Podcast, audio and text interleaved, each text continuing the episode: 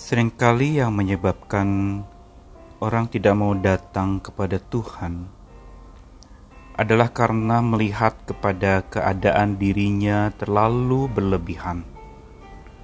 Menganggap bahwa kita baru bisa diterima oleh Tuhan dan datang kepada Tuhan saat kita sudah sempurna. Kita menunda-nunda sampai kita merasa diri sudah sempurna dengan segala apa yang sempurna baru kita datang kepada Tuhan. Padahal pandangan ini adalah pandangan yang keliru. Saya Nikolas Kurniawan menemani dalam sabdanya menyapa kita lagi hari ini dari kitab Ratapan pasal 3 ayat 19 sampai 24. Ingatlah akan sengsaraku dan pengembaraanku akan ipuh dan racun itu. Jiwaku selalu teringat akan hal itu dan tertekan dalam diriku. Tetapi hal-hal inilah yang kuperhatikan. Oleh sebab itu aku akan berharap. Tak berkesudahan kasih setia Tuhan, tak habis-habisnya rahmatnya, selalu baru tiap pagi besar kesetiaanmu. Tuhan adalah bagianku, kata jiwaku. Oleh sebab itu, aku berharap kepadanya. Saudara, pandangan seseorang dalam hubungannya dengan Tuhan adalah karena Tuhan itu maha sempurna, maka saya juga harus sempurna ketika datang kepadanya. Kalau saya belum sempurna, maka saya belum pantas untuk datang menghadapnya. Saudara, gambaran ini tampaknya sepertinya sempurna sepertinya rohani. Orang baru mau datang kepada Tuhan bila dia sudah sempurna.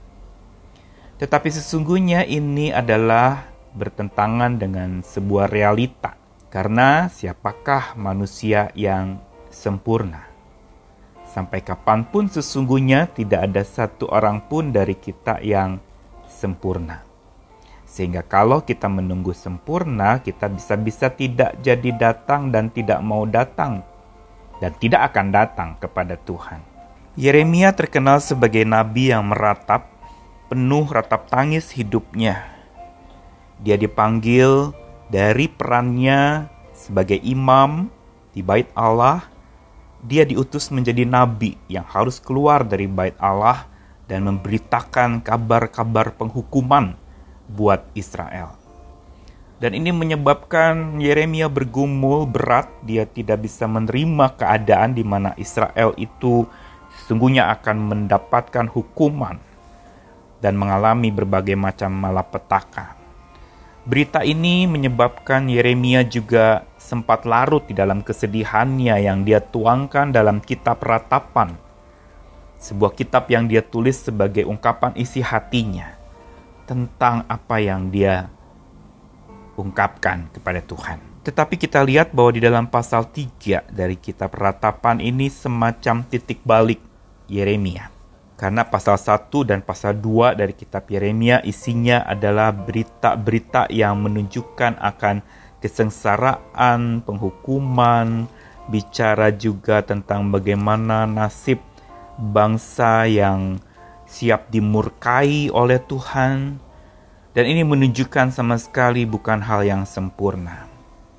Dan Yeremia pun menyadari akan ketidaksempurnaannya, bahkan ketika dia dipanggil oleh Tuhan, dia masih mengatakan, "Saya tidak pantas, saya masih muda, saya tidak akan dan tidak bisa pergi melakukan tugas ini."